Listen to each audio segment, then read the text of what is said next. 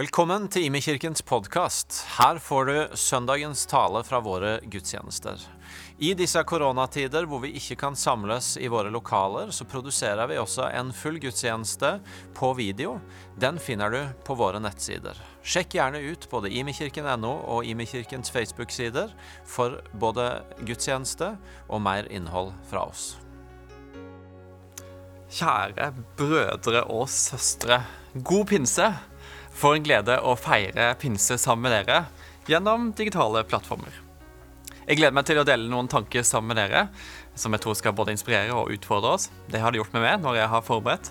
Eh, men før det så har jeg lyst til å dele noen profetiske ord med dere. I denne tida som vi er i, så har vi vært opptatt av eh, og det er vi for så vidt alltid, men særlig denne tida, vært opptatt av å lytte til hva Gud ønsker å si oss inn i denne tida her. Eh, og Hvis du opplever det minnet om noen ord som kanskje er fra Gud, så kan du sende det til anne.lunde at imekirken.no. Nå skal jeg dele de ordene som vi har opplevd å komme inn denne uka. noen av de ordene. Eh, og da er det jo sånn at Du må jo prøve det og se om dette her er fra Gud. Men eh, når jeg leser dette her, så lytt deg inn på det og se om det er noe som treffer du og ditt liv. Noe som treffer menigheten, eller noe som treffer de omstendighetene som du er i. Et ord som går på når vi beveger oss framover mot det Gud har lova oss, så vil Hans ånd ikke bare lede oss på veien, men òg avsløre fiendens planer. Å gå på hans vei vil òg føre til motstand fra fienden. Vi trenger å kjenne fiendens planer, slik at vi kan fortsette fryktløst i visshet om at seieren er vår, selv om vi står foran en kamp.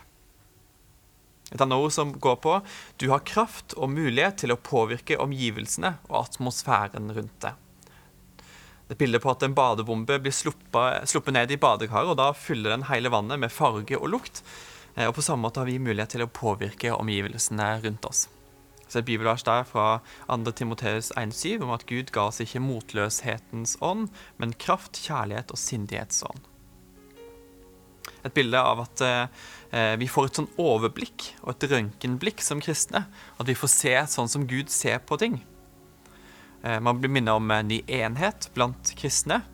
Og jeg minner på det som står i Esekiel 37, om at de døde beina i dalen, hvor det ble talt til disse døde beina, og de ble levende. Og nå som blitt minnet om Salme 23. Og så er det noen andre som har blitt minnet om 'Søk meg først, så skal du få alt det andre i tillegg'. Tror Herren har så behag i at man er sammen med Han. Han elsker når vi velger Han først, foran alt.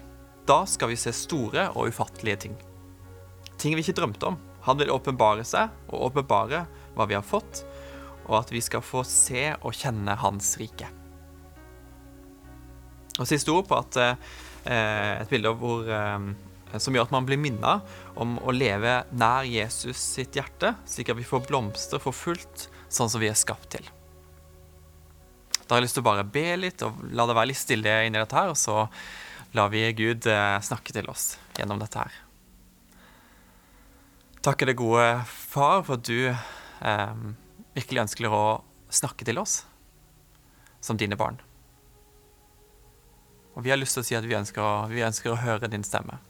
Så takk for det du har delt til oss, og vi ønsker å ta det imot.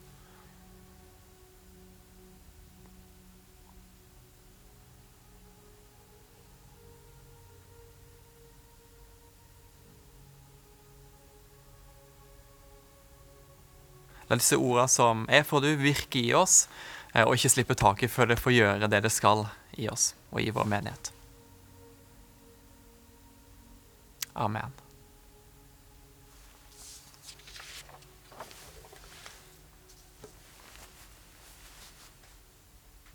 Se for deg hvordan det var å treffe Jesus mens han levde her på jorda. Og kanskje det blir hans, en av hans etterfølgere.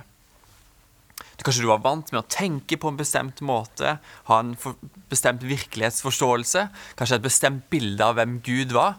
Og så kommer denne her guddommelige og menneskelige mannen og forandrer alt. Umiddelbart for en del. I sekundene de treffer han. Og for de som fikk være hans venner, så skjedde dette her kontinuerlig. Stadig vekk ble de forvandla. Til du som kjenner at disse her eh, koronatidene er liksom prega av mye kaos, kaos i omstendigheter og kanskje usikkerhet på hva som ligger foran, så er dette her noe som Jesu venner og disipler på hans tid eh, kunne virkelig kjenne seg igjen i. I det ene øyeblikket så, så blanda Jesus sammen spytt og jord og smørte i øynene på en blind mann. Og Da kan vi tenke, da er vi kanskje litt vant til å tenke sånn Ja, det der var ikke så veldig godt eh, smittevern, Jesus. Og kanskje ikke han var så veldig god på det, men han var god på andre ting, for denne mannen ble jo helbreda. Og i det neste øyeblikket så, så, taler han radikalt for folkemengder om Guds rike og sannhetene som, som, er der. På en sånn måte at folk ikke vil tro på han lenger, eller følge han lenger. Det støter folk. Og i det neste øyeblikket så, så får han en, en uh, fisk som har en sølvmynt i munnen, til å betale tempelskatten for seg. For Peter og Jesus. Utrolig snodig og merkelig. Og jeg får ikke snakke om den tida fra rundt påske og fram til pinse. Da var det så mye usikkerhet. Og Jesus hadde jo prøvd å forberede disiplene på noe av det som kom, eh, og det som var i vente, men, men, eh, jeg tror ikke de skjønte det helt. For midt i påskefeiringa da, så blir Jesus arrestert. Han blir håna og piska og hengt på et kors for å dø. Og alt det de har bygd de siste åra på, dette livet på som de har erfart de siste åra, det, det, bare rakner. Peter har jo sagt tidligere til, til, Jesus, når folk begynte å gå bort fra Jesus Skal dere òg gå? spurte Jesus, og sa Peter hvem skal vi gå til? Hvem ellers er det å, å, å gå til? Det er du som er sannheten. Men nå Nå trenger dette spørsmålet seg på igjen. Hvem er det vi skal gå til nå? For nå er det jo Jesus som forlater dem.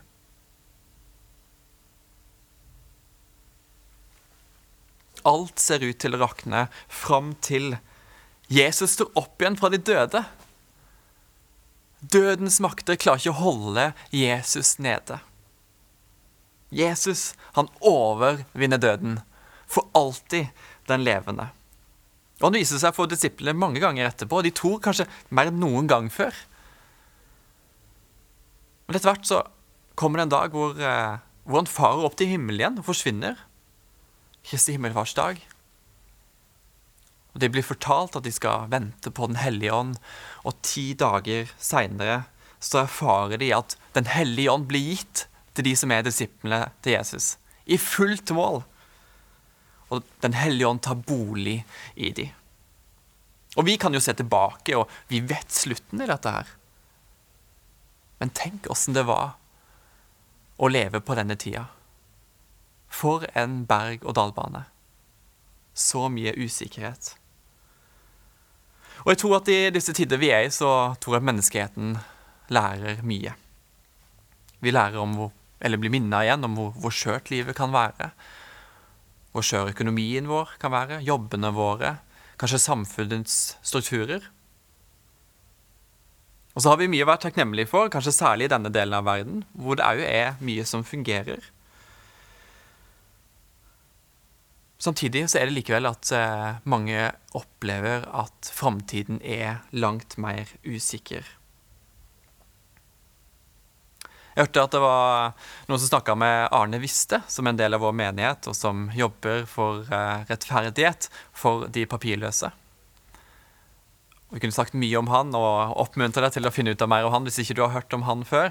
Eh, han lever et så inspirerende liv. Og han ble spurt om ja, hva, hva, hva, er det, hva, er det, du har lært i denne tida hvor du har kjempa for dette her? Som kanskje vi kan dra nytte av nå som vi er i en usikkerhet med tanke på framtida. Og da svarte han noe sånn, sånn at eh, eh, jeg har lært at jeg kan ikke ha så mange framtidsplaner men heller ha fokus på å følge Jesus her og nå. Og jeg syns bare det er en nydelig disippeltilnærming til usikkerheten som ligger i framtida.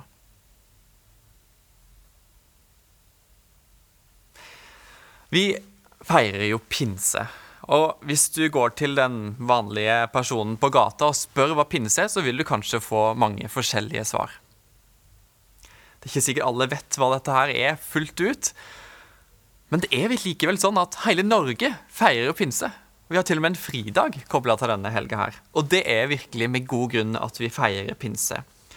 For disiplene til Jesus som levde på den tida Jesus levde på jorda, For de så var dette her en stor før-etter tidsregning. Før pinsedagen så var Den hellige ånd kun forbeholdt noen få utvalgte personer, ledere eller profeter for Israelsfolket, og kanskje knytta til enkelte hendelser. Men nå, etter pinse, så har Den hellige ånd tatt bolig i alle troende og lever sammen med oss. Og Derfor har vi kalt Den hellige ånd for allemannseie i denne taleserien. Tror du på Jesus, at han har dødd på korset og stått opp igjen, tatt på seg all din synd, så at du kunne bli satt fri, så er du òg kvalifisert til at Den hellige ånd kan ta bolig i deg. Defaulten nå er at Den hellige ånd bor i deg. Hvert minutt og hvert sekund. Da kan vi si på sånn ekte stavangersk 'Heldigen du'. Og vet, vet, du kanskje ikke dette her helt, eller er usikker på om det, om det her er sant, så inviteres du til å leve i bønn for å oppdage at dette her er en sannhet. Hør de andre talene i denne taleserien som snakker en del om dette her. Snakk med noen andre kristne. For det står jo i 1. Korinterne 6, 19. Vet dere ikke at kroppen deres er et tempel for Den hellige ånd som bor i dere, og som er fra Gud? Dere tilhører ikke lenger dere sjøl. Altså, vet dere ikke at dette her er sant? Da er det virkelig på tide. For dette her er en avgjørende sannhet å tro på og leve i.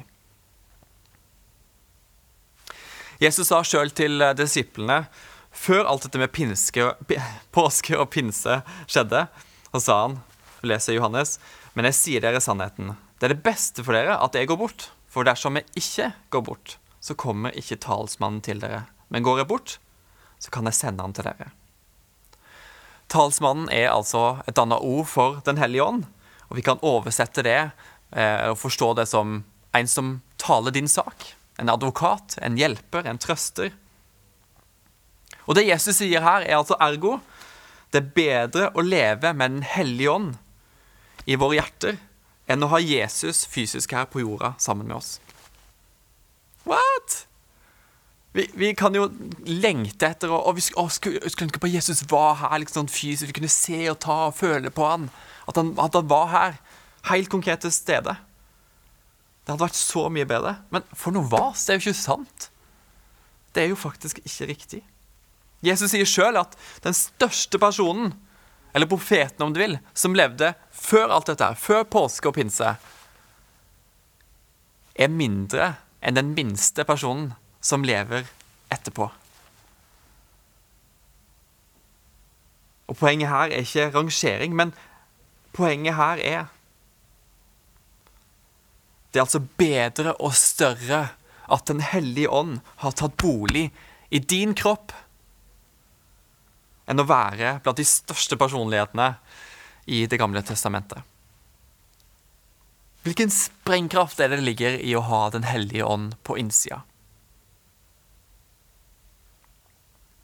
Og så er jeg fullt overbevist om at pinse ikke er en engangshendelse, men en livsstil som vi inviteres inn i. En livsstil med Den hellige ånd. Vi kan lese i Efeserne 5, 18. Drikk dere ikke fulle på vin, det fører til utskeielser. Bli heller fylt av Ånden.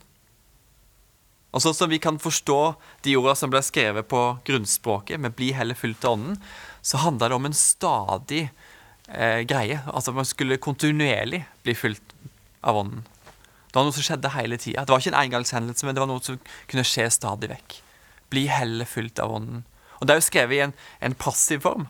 Det er ikke sånn 'kom igjen, fyll deg sjøl med Den hellige ånd'.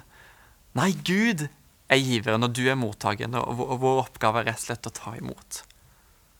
Bli heller fylt, stadig vekk, kontinuerlig, av Den hellige ånd. Og for å motta så må vi jo være i mottakerposisjon. Vi må være tilgjengelige, om du vil. Og jeg har lyst til å dele med dere tre tips om hvordan vi kan leve i mottakerposisjon som jeg tror Gud ønsker å invitere oss inn i. Og Det første handler om ydmykhet. Som vi tydelig erfarer i disse tider, så vet vi ikke helt hva morgendagen bringer. Vi vet ikke hva som kommer der framme alltid.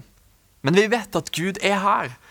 Han er her med sin ånd, og han vil lede oss på vår vei som hans etterfølgere. Og Gud lengter etter at vår lengsel skal først og fremst, fremst være han. At vår trygghet skal først og fremst være han. Jeg har hørt historier fra den forfulgte kirka andre steder i verden som ikke nødvendigvis ber om at forfølgelsen skal ta slutt, men ber om et åndsnærvær og en tilstedeværelse av ånden midt i det de står i. Fordi de vet at først og fremst så er martyrenes blod, de som dør for sin tro, det er vekstgrunnlaget for kirka. Og den ydmykheten de viser, det inspirerer meg. Det beundrer meg. Jeg, jeg blir beundra av, av, den måten å tenke på. Vi kan lese i andre krøniker 16,9, så kan vi lese For Herrens øyne farer over hele jorden, så han kan styrke den som holder seg helhjerta til Han. Og det, det, er litt tatt ut av kontekst, men, men det, det, så, jeg tror likevel det er så en sannhet. Og eh, Det handler om den som har ydmyka seg, slik at hjertet holder seg helhjerta til Han. Og jeg vet ikke med du, men jeg kjenner at hele meg roper 'ja, dette vil jo jeg'. Jeg vil holde meg helhjerta til Han. Og jeg vet at uh, han vil, vil, styrke de personene. Og jeg har hatt min vandring som kristen. Jeg kunne delt uh, uh, flere ting med det, og jeg har masse vandring igjen framover som jeg gleder meg til. Men i løpet av tenåra så vokste etter hvert mer og mer nysgjerrighet på hvem Gud egentlig var. Så jeg valgte å gå på bibelskole. Og når jeg var 19 år, så gikk jeg på bibelskole, og mot slutten av det året så gikk jeg en periode hvor jeg kjente bare, vet du hva, jeg fikk bare en sånn intens lengsel etter mer av Gud. Det er litt vanskelig å forklare, men jeg snakka med Gud og sa flere ganger vet du hva, det, det er bare du som betyr noe. Jeg vil gi, overgi meg helt til du. Kun det som var viktig for Gud, var viktig for meg. Det var sånn jeg tenkte da. Fortsatt ønsker å tenke. Og dette var i over en tid. Og så, og så var jeg på et eh, eh, samling hvor vi ba sammen, noen folk, og så den ene etter den andre mumla noen ord til Gud, og så plutselig så opplever jeg at en kraft strømmer gjennom kroppen min. Jeg hadde ikke hørt så veldig mye om Den hellige ånd, så jeg ble ganske overraska og satt ut, og jeg sprang ut, eh, ut fra det rommet og, og um, prøvde å forstå hva som egentlig skjedde for noe så har jeg forstått at Gud hadde sett at jeg ydmyka meg i lengsel etter Han, og han velsigna meg med å fylle meg med sin ånd. 1. Peter 5, 5 og 6 så leser vi at Gud står de stolte imot, men de ydmyke gir han nåde. Ydmyk dere da under Guds mektige hånd, så han kan opphøye dere når tiden kommer. Vi inviteres til å ydmyke oss for Han. Og det kan se ut på mange forskjellige måter. Men det er uansett en holdning en, eller en innstilling som kommer fra innsida av oss. En hjerteholdning. Det er ikke som et krav eller stress, men en invitasjon til å sette prioriteringene rett. Både bekjenne og leve som det er nå Han som er herre i våre liv. Det er Han vi lengter etter å holde oss helhjerta til. Det andre jeg å si, er, handler om varsomhet.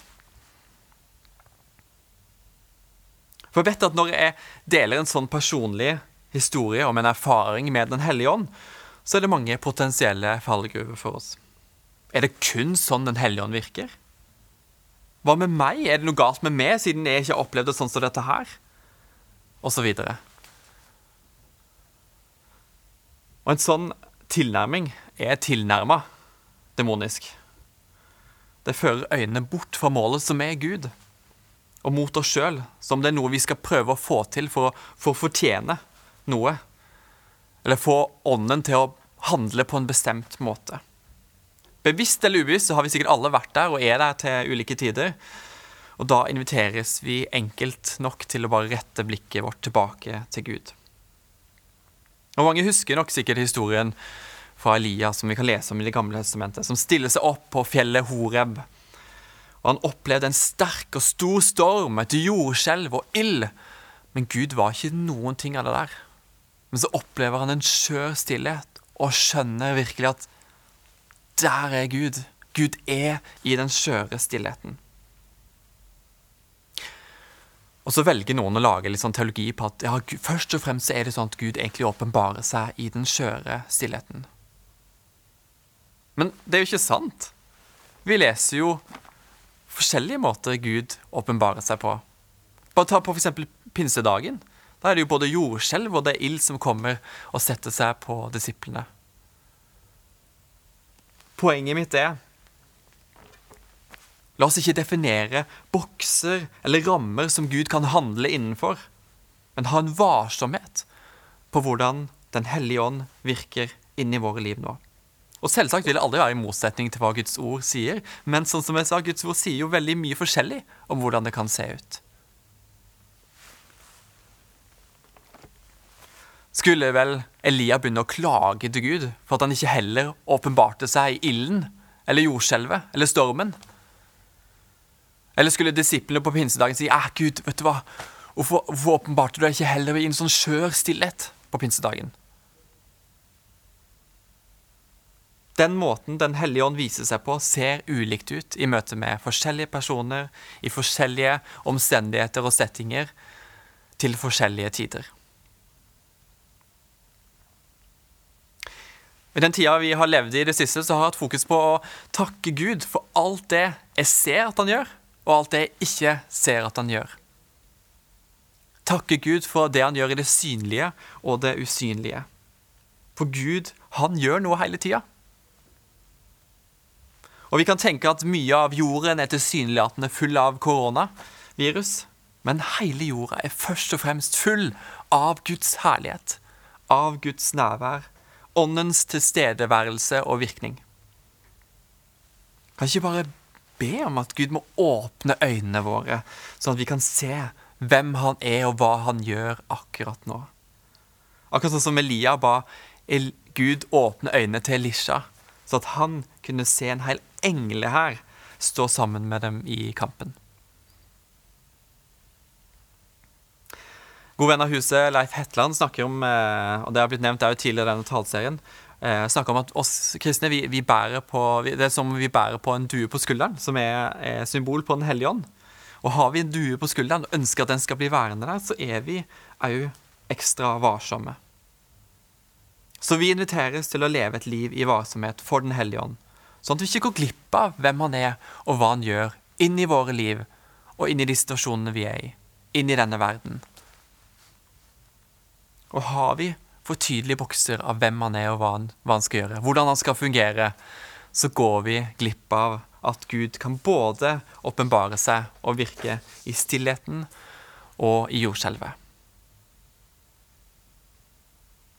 Den tredje tingen jeg har lyst til å snakke om, handler om lengsel. Jeg har hatt et par samtaler i det siste med mennesker som forteller om en lengsel de hadde og har hatt etter Gud, som kanskje ikke nå lenger kjennes så Eh, brennende eller viktig.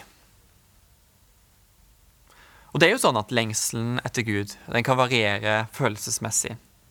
Men det står likevel i Romerne 11 at Gud ikke angrer sine nådegaver og kall. Og når Jesus sjøl snakker om himmelriket og Guds rike, så forteller han om, lignelser, historier som skal bety noe annet. Han snakker om en surdeig som gjennomsyrer hele deigen.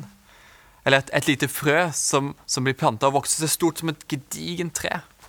Og poenget er at dette handler om Guds rike. Og Guds rike har en enormt iboende vekstpotensial som ikke kveles eller ødelegges. Og selv om vi gjennom livet er i ulike faser i hvorvidt lengselen oppleves sterk eller svak etter Gud, og hva vi måtte være, og hvor mye rom den måtte få, så er den ikke tatt bort. Og til du som kjenner deg igjen i det som jeg forteller nå, ikke konkluder med at det er for seint. En fantastisk eh, forfatter som har skrevet så mye klokt om kristen tro og den verden vi lever i, heter C.S. Lewis. Han har skrevet Narnia-bøkene, blant annet. Eh, han har skrevet en av bøkene sine så han har skrevet det ser ut til at Gud opplever at våre ønsker ikke er for sterke, men for svake. Vi er som uvitende barn som vil lage sølekaker i en slum fordi ikke vi klarer å forestille oss hva det betydde at vi ble tilbudt en ferie ved sjøen. Vi blir altfor lett tilfredsstilt, sier C.S. Lewis. Og jeg, erkjenner at dette er sant i mitt liv. Gud vil gi meg så mye godt, og så kan jeg ofte, eller flere ganger være opptatt av å fylle min lengsel med andre ting. Jeg erkjenner at min lengsel er ikke alltid like stor som jeg ønsker, eller den får ikke like stort rom som jeg ønsker. Og jeg, Det siste året så har jeg begynt å be en bønn til Gud, hvor jeg sier til Gud gi meg mer enn det jeg lengter etter. Jeg kjenner at min lengsel kan være svak til tider. Overraskende svak noen ganger, men gi meg likevel mer enn det jeg lengter etter. Gi meg mer enn det min lengsel skulle tilsi. Og jeg tror jo at en sånn tilnærming er bibelsk. Vi leser f.eks. i Efeserne 3,20 om at Han som virker i oss med sin kraft, og kan gjøre uendelig mye mer enn det vi ber om og forstår. Dette er Guds lengsel. Så du blir herved invitert til å nøre opp rundt lengselen etter Gud. For lengselen etter Gud gjør oss i stand til å ta imot vann. Se for deg et barn som er sulten. Ta gjerne imot mat. Men hvis du har stappa et barn full av mat fra før av, så er det litt vanskelig å putte ytterligere poteter og kjøtt, kjøttkaker inn i munnen. Guds ord sier at han vil gjøre langt mer enn det vi ber om og forstår. Og Vi leser i Lukas 11, 13. Jesus sier til disiplene sine Når dere som er onde, vet å gi barna deres gode gaver, hvor mye mer skal ikke deres himmelske Far? Gi Den hellige ånd til den som ber han. Er du klar til å ta imot fra Han? Dette er Guds lengsel imot oss. Gi oss langt mer enn det vi ber om forstår oss. Og gi oss Den hellige ånd i rikt mål. Han har gjort det allerede, og vi inviteres til å stadig vekk ta imot mer av Den hellige ånd. Så jeg takker deg, gode Far i himmelen, for at du er så full av godhet. Når vi vet å gi gode ting, ja, hvor mye mer da vil ikke du gi Den hellige ånd når vi ber deg? Nå ber vi deg, kom og fyll oss opp med Den hellige ånd. Vi ber om, om pinsedagopplevelser. Og vi er ikke opptatt av hva de ytre rammene og hvordan det skal se ut, men vi bare ønsker og lengter etter å være fullt av Den hellige ånd. Vi vet at du har tatt bolig, og vi vet samtidig at du, du ønsker å fylle oss mer opp. Allerede nå og enda mer kan vi bli fylt av Den hellige ånd. Og det er vår lengsel. Vi har lyst til å ydmyke oss for du, Gud. Vi har lyst til å være varsomme i forhold til å forstå hvordan du fungerer og hva du gjør. Og vi har bare lyst til å ha en lengsel etter du.